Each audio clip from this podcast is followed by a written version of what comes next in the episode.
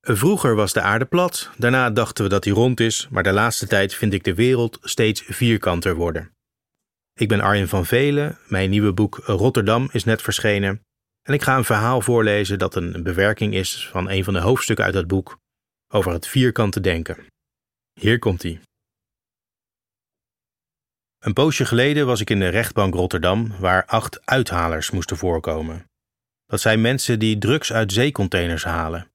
De meeste verdachten waren jonge mannen die betrapt waren terwijl ze rondhingen tussen de containers op de haventerreinen van de Maasvlakte. Een enkeling zat zelfs in een container. Cocaïne hadden ze niet bij zich, maar wel bijvoorbeeld een wegwerptelefoon met maar één nummer erin opgeslagen of een dopsleutel maat 13 die precies past op de deuren van containers. De Maasvlakte is ook al geen plek waar je zomaar belandt. Het is een onherbergzaam industrieel schiereiland zonder bomen, vertier of hotels. Vanuit Rotterdam Centrum is het ongeveer 50 kilometer, zeg twee dagen lopen. De containerterminals liggen bovendien achter hekken die soms zelfs onder stroom staan. Mensen zie je er weinig, wel heel veel robotkarretjes. Dus het was een best logische vraag van de rechter aan een van de verdachten: Goh, wat doet iemand daar nou? Maar de verdachten hadden allemaal een goed alibi. Eentje beweerde bijvoorbeeld dat hij midden in de nacht aan het joggen was en was verdwaald. Een ander zei te kampen met liefdesperikelen. Toen had hij een taxi genomen naar huis, waarna hij onderweg ruzie had gekregen met de chauffeur, die hem op de Maasvlakte eruit had gezet, waarop de verdachte verder was gaan lopen en over een hek was geklommen om hulp te vragen. Eentje zocht de boot naar Engeland, weer een ander had een fles wodka op en had geen actieve herinnering. Allemaal best vindingrijk, alleen die alibis deden er niet toe. De mannen hadden de pech dat er net een nieuw wetsartikel was ingevoerd, de zogeheten uithalerswet. Die wet was ingevoerd omdat cocaïnehandel de maatschappij ondermijnt. En dat artikel 138 AA Wetboek van Strafrecht maakte het loutere feit van onbevoegd aanwezig zijn op een haventerrein strafbaar met celstraf van maximaal een jaar. Doet er niet toe of je liefdesverdriet had of wodka dorst. Of zoals de officier van justitie zei, al ging je er salsa dansen. Tot dan toe kwam een uithaler vaak weg met een boete van slechts 95 euro vanwege het negeren van het bordje verboden toegang.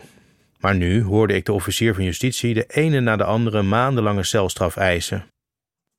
En toen ging ik in gedachten terug naar mijn eigen, al dan niet rechtmatige aanwezigheid op haventerreinen. De afgelopen jaren zwierf ik door Rotterdam op zoek naar het hart van de stad, slenterend, rennend, fietsend, maar ook per kajak, per visserschip en per cruiseschip. En één keer per helikopter. Ik zocht alle hoeken en gaten af, maar steeds opnieuw werd ik naar de Maasvlakte getrokken. Alsof er rondom die megaschepen, robotkranen en containerstapels een magnetisch veld hing dat ik niet kon weerstaan. Was ik chagrijnig, ging ik naar de Maasvlakte. Was ik vrolijk, ging ik naar de Maasvlakte. Wilden de kinderen naar de dierentuin, opperde ik, maar we kunnen toch ook naar de Maasvlakte? Ik had eens wild gekampeerd op de Maasvlakte, was per kajak een havenbekken ingevaren en nee, ik had me niet altijd aan alle bordjes gehouden. Wat zou ik zeggen als de rechter mij vroeg: Goh, wat deed u daar nou? Dan zou ik antwoorden dat ik op zoek was naar de tijdgeest. En nergens kun je de tijdgeest zo goed betrappen als tussen de containers van de Maasvlakte. Op een dag toen het had gesneeuwd, fietste ik vanuit de stad naar zee. Een ijzige zeewind blies in mijn gezicht, maar de containers lonkten. Ik had de laatste sneeuwpoppen van de bewoonde wereld al lang achter me gelaten toen ik de steppen opfietste, waar de mossen en het toendraaggras een donslaag hadden gekregen. Dieren of menselijke gedaanten vertoonden zich niet. Het knerpen van het ijs onder mijn banden was het hardste geluid. Ik was in een industrieel Siberië. Maar juist nu de vlakte met sneeuw was toegedekt, was ze naakt. Zag je helder en bij het scherpste licht hoe één vorm de wereld regeerde.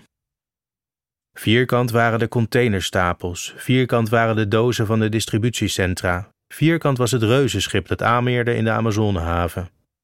De zeecontainer was hier de maat der dingen. Die vormde de kades, de kranen, de robotwagentjes en ook de enige pleisterplaats, de vierkante snackbar Smikkel in Balkon van Europa. Zelfs de rivier had zich hier gezet naar de maten van de zeecontainer. De nieuwe waterweg was een kanaal En de havenbekkens, al droegen ze de namen van woest kronkelende rivieren, zoals de Amazone en de Mississippi, waren even goed rechtlijnig. De mens, dat vlezige, wispelturige, ronde wezen, de mens was hier een vreemde, een sta in de weg. En deze winterdag leek ik de enige mens. Leek, want ik wist wel beter. Op de zeeschepen, in de witte flats met scheepshutten, verbleven honderden Filipijnen, Pakistani, Russen. En ook in die raamloze dozen van de distributiecentra waren vol continu Poolse en Bulgaarse orderpikkers aan het werk, aangestuurd door computerstemmen op hun koptelefoons. Ze voelden de koude adem van de robots in hun nek en ook hun hoofden werden vierkant, robotachtig. Hier op de vlakte heerste het vierkante denken, de overtuiging dat het hele leven een logistiek proces is dat zo efficiënt als een containerhaven moet worden gerund. En waar alles wat de efficiëntie niet diende uit moest worden weggesneden: de bomen, de schoonheid, de liefde, de aandacht, het lanterfanten en de troost. Dit ritme van de haven, die obsessie met efficiëntie en productie, bepaalde ook het ritme van onze straten, dicteerde onze agenda's, joeg onze ademhaling op. De haven was al lang uit de stad getrokken, ja, maar was tegelijkertijd dichterbij dan ooit. Je kon de stalen containers voelen in je eigen strak gespannen monnikskapspier. Daarom kwam ik zo vaak op de Maasvlakte, zou ik de rechter voorhouden. Hier lag het hart van de wereld waarin wij alle woonden. Vertel meer, zou de rechter dan zeggen. En ik zou vertellen over die revolutie waarover we op school nooit hadden geleerd. Ooit dacht ik dat zeecontainers gewoon slimme stalen dozen waren die het vervoeren van spullen van A naar B handiger maakten, waardoor ik zooi die ik niet echt nodig heb kan kopen via Amazon en Alibaba. De uitvinding van de container leek me niet veel meer dan de uitvinding van een afspraak. Dat laadkisten wereldwijd allemaal dezelfde maat hadden. Handig. En handig waren ze ook, die containers, maar ze zouden de wereld op zijn kop zetten. Het begon nog heel bescheiden. De eerste transatlantische reis van een containerschip was in 1966 vanuit de haven van New York naar Rotterdam. Dat eerste schip nam slechts enkele honderden containers mee. Vanaf de jaren 80 brak de container echt goed door en inmiddels hebben de nieuwste megaschepen plek voor ruim 20.000 standaardcontainers.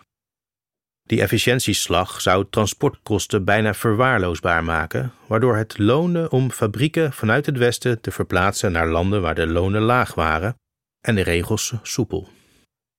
Maar containers verplaatsten niet alleen spullen en fabrieken, ze brachten ons ook een nieuwe levensfilosofie. Vanaf ongeveer de vroege jaren 80 raakte de wereld in de ban van just-in-time productie.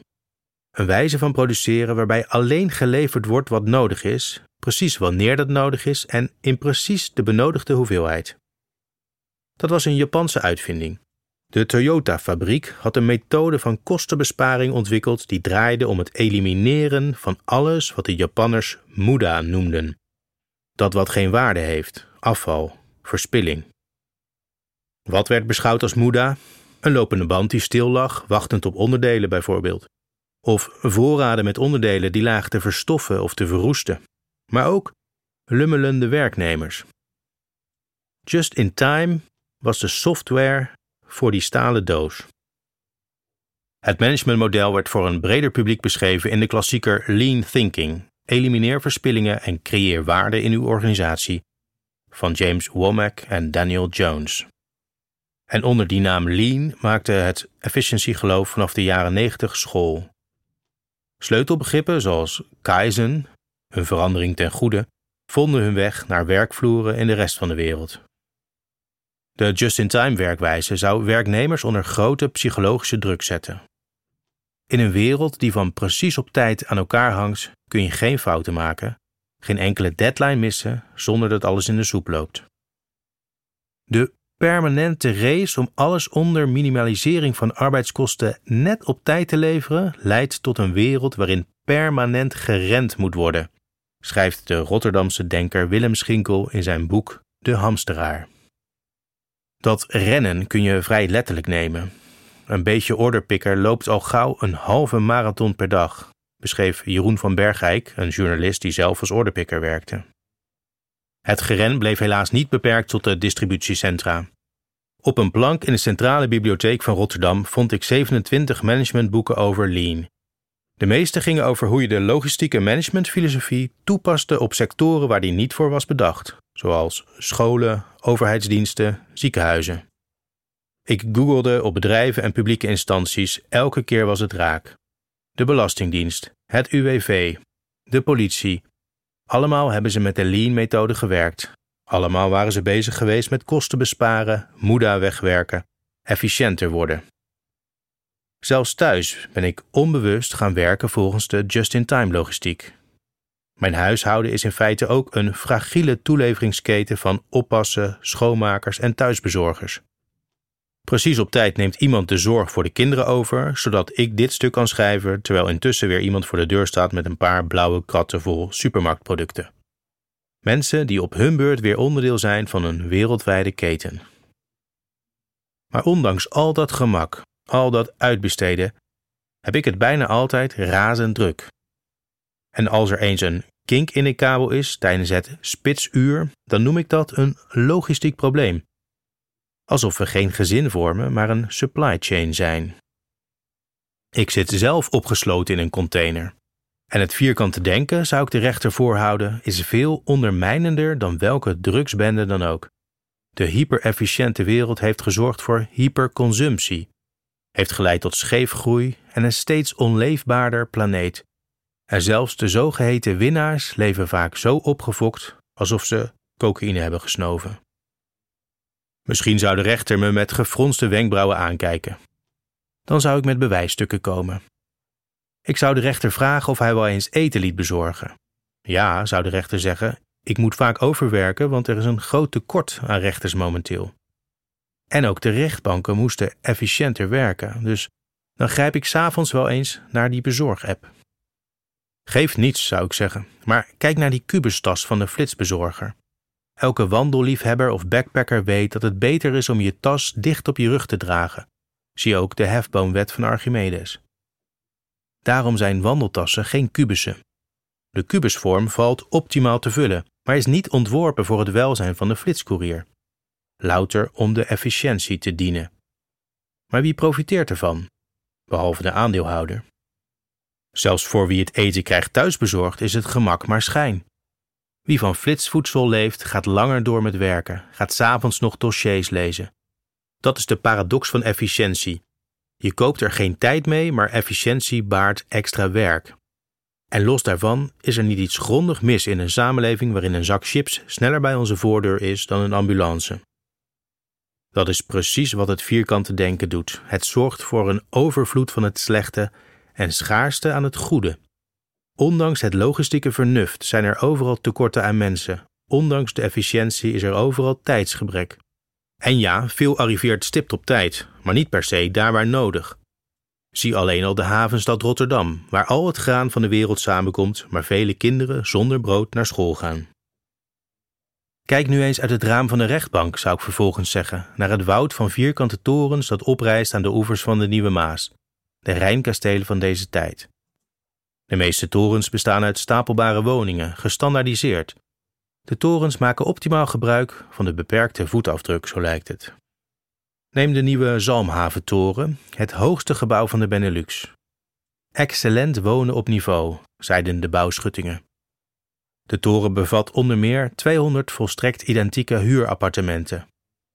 Kan ik zelf een badkamer en of keuken uitkiezen, las ik op de website. Nee, de woningen worden voorzien van een volledig uitgeruste keuken en badkamer. Sinds ik dat las, denk ik steeds als ik die toren zie aan 200 maal dezelfde witte keuken met hetzelfde composiet aanrechtblad en dezelfde Siemens vaatwasser en Siemens combi-magnetron. Het zijn allemaal luxe containers. En toch niet eens per se efficiënt. Want vanaf een bepaalde hoogte moeten wolkenkrabbers aan zoveel veiligheidseisen voldoen dat de constructie haar efficiëntie verliest.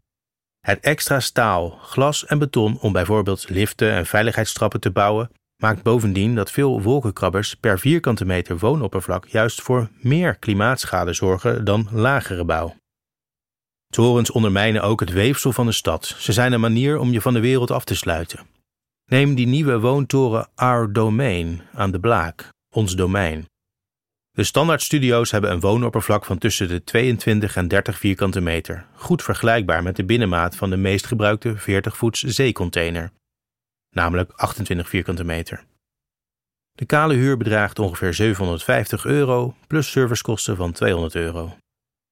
Ben er wezen kijken, het zijn prachtige hokjes, daar niet van. En je krijgt als extra een sky lounge op het dak met prachtig uitzicht over de rivier. Alleen de toren is niet voor iedereen toegankelijk. En wie hier wil huren, moet hoger onderwijs genoten hebben of staan ingeschreven aan een universiteit of hogeschool. De doorsnee stucadoor of thuiszorgmedewerker valt zo buiten de boot. De toren plaatst mensen letterlijk en figuurlijk in hokjes en sluit zo ruim 60% van de Rotterdamse beroepsbevolking uit. En de exploitanten van die toren kun je het niet eens kwalijk nemen, want het hele woonbeleid van de stad is zo. Rotterdam is bijvoorbeeld de bedenker van de Rotterdamwet, die het discrimineren van arme mensen op basis van inkomen mogelijk maakt. Mensen met een bijstandsuitkering mogen uit bepaalde wijken geweerd worden. Zo schep je geen stad, maar een stapeling hokken. Als de rechter niet overtuigd was, zou ik hem vragen de Google Calendar op zijn telefoon te openen. Kijk naar de gekleurde blokken. Veel mensen geloven dat al die blokken met afspraken precies op elkaar moeten aansluiten en dat ze dan alles uit het leven halen. Het is het denken van de containerrederij. Geen plaats op het schip mag onbezet blijven, geen blok wit. We zijn gaan leven zoals de mensen in de dystopische roman Blokken van de Rotterdamse schrijver Ferdinand Bordewijk. Een science fiction verhaal over een stad waarin hoogwaardige technologie het leven beheerst en het bestaan mathematisch is georganiseerd. De bewoners hebben geen namen, maar nummers. Ze wonen in vierkante woonwijken en iedereen aanbidt de kubus. Iedereen is vergeten dat alles wat mooi is vaak rond is, zoals onze aardbol, of onze ogen en onze lichaamsrondingen. Iedereen behalve één dissident. Wat hebt gij uw steden opgebouwd tot blokkendozen? houdt hij de leiders van de stad voor. Gij zijt verliefd met de harde liefde van uw zielen voor de harde lijnen, figuren en vormen. Gij drijft de idee van het blok door in al haar excessen. Ge zijt de cubisten van de praktijk. Ge zult u ten dode verwonden aan de scherpe kanten van uw levensstaat. Dat boek Blokken is uit 1931 maar anno nu hebben we onze levens nog blokkeriger ingericht. We laten ons eten bezorgen in vierkante kubussen, we plannen onze agenda's vol met vierkante blokken, we turen naar elkaar via vierkante schermen, onze eigen hoofden zijn aan het verdozen. Uit tijdsgebrek vallen we terug op stereotypen en algoritmen, persen we medemensen in hokjes, noemen we ze wappie, terreurboer, Tesla-rijder. We zijn gaan leven volgens de vierkante geboden van de zeecontainer. Leegte is fout, stilstaan is zonde, efficiëntie is het hoogste goed. Het vierkante denken heeft onze samenleving kil gemaakt, dichtgetimmerd, opgefokt. En wij allen zitten erin vast: de orderpikker, de verpleegkundige en ook u, edelachtbare. Onze belangrijkste taak is een staak te steken in het wiel van die efficiëntiemachine. En ook daarom moest ik in de haven zijn. Daar weten sommigen nog wat staken is. Op een blauwe maandag ben ik zelfs in de containerhavens gaan werken. Een volstrekt legaal baantje, maar misschien wel verdacht voor iemand die Grieks en Latijn heeft gestudeerd. Mijn alibi? Ik was het schrijven zat. Ik wilde aan mijn schrijfhokje ontsnappen. In de haven draaide ik stalen koppelstukken in zeecontainers.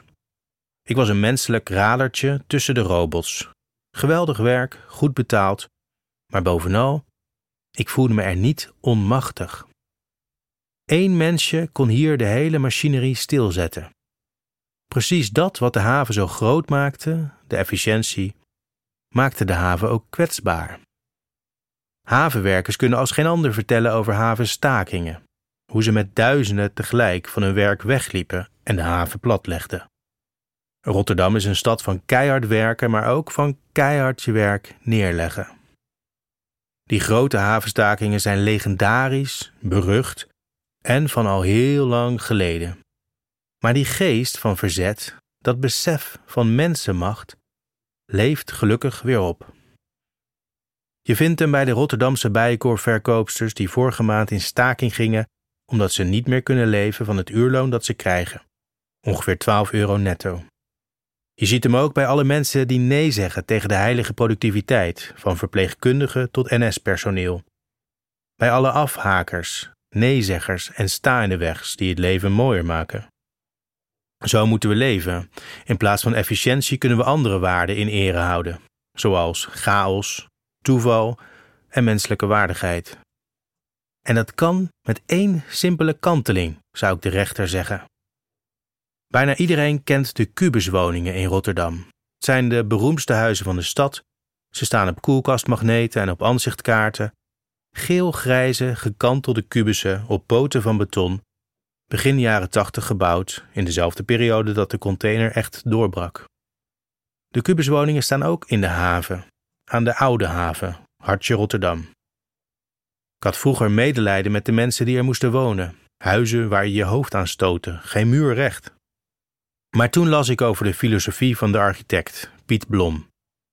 Blom was een volksjongen uit de Amsterdamse Jordaan, een wijk waar mensen op elkaars lip leefden. Zo wilde Blom ook wijken bouwen, geen torens van gestapelde cellen, maar speelse wijken waar het ritselde van sociaal contact. Piet Blom nam de meest efficiënte vorm denkbaar, de kubus. En met één elegante kanteling maakte hij de efficiëntie van die ruimte onklaar. De scheve muren dwongen de bewoners vindingrijk te zijn. De kubuswoningen kieperden de mensen op straat, omdat daar het leven plaatsvindt en niet in een hok. Ook daarom moet u mij niet opsluiten, zou ik de rechter zeggen. Want ik zat al in een vierkante wereld opgesloten, wij allemaal. Ik zou wijzen op het gebouw waarin we ons bevonden. De rechtbank van Rotterdam is ook gevestigd in een grote grijze kubus. De kwestie was juist hoe wij samen als de sodemieter uit deze vierkante wereld konden ontsnappen. Het is de missie van de correspondent om voorbij de waan van de dag te gaan. Onze correspondenten voorzien het nieuws van context en schrijven over de grote thema's van deze tijd. De correspondent geeft me de vrijheid om mijn nieuwsgierigheid te volgen en de tijd om verhalen te schrijven. En zo probeer ik onzichtbare structuren zichtbaar te maken en een andere kijk te bieden op debatten die het nieuws domineren. Dan gaat het minder over het spelletje en veel meer over wat er op het spel staat. Vanaf dag 1 zijn onze artikelen, boeken en podcasts gefinancierd door onze leden. Volg ons op onze journalistieke zoektocht. Overweeg eens lid te worden van de correspondent. En maak daarmee samen met ruim 70.000 anderen onze onafhankelijke journalistiek mogelijk. Dus word lid van de correspondent. Ja. Word lid. Word lid.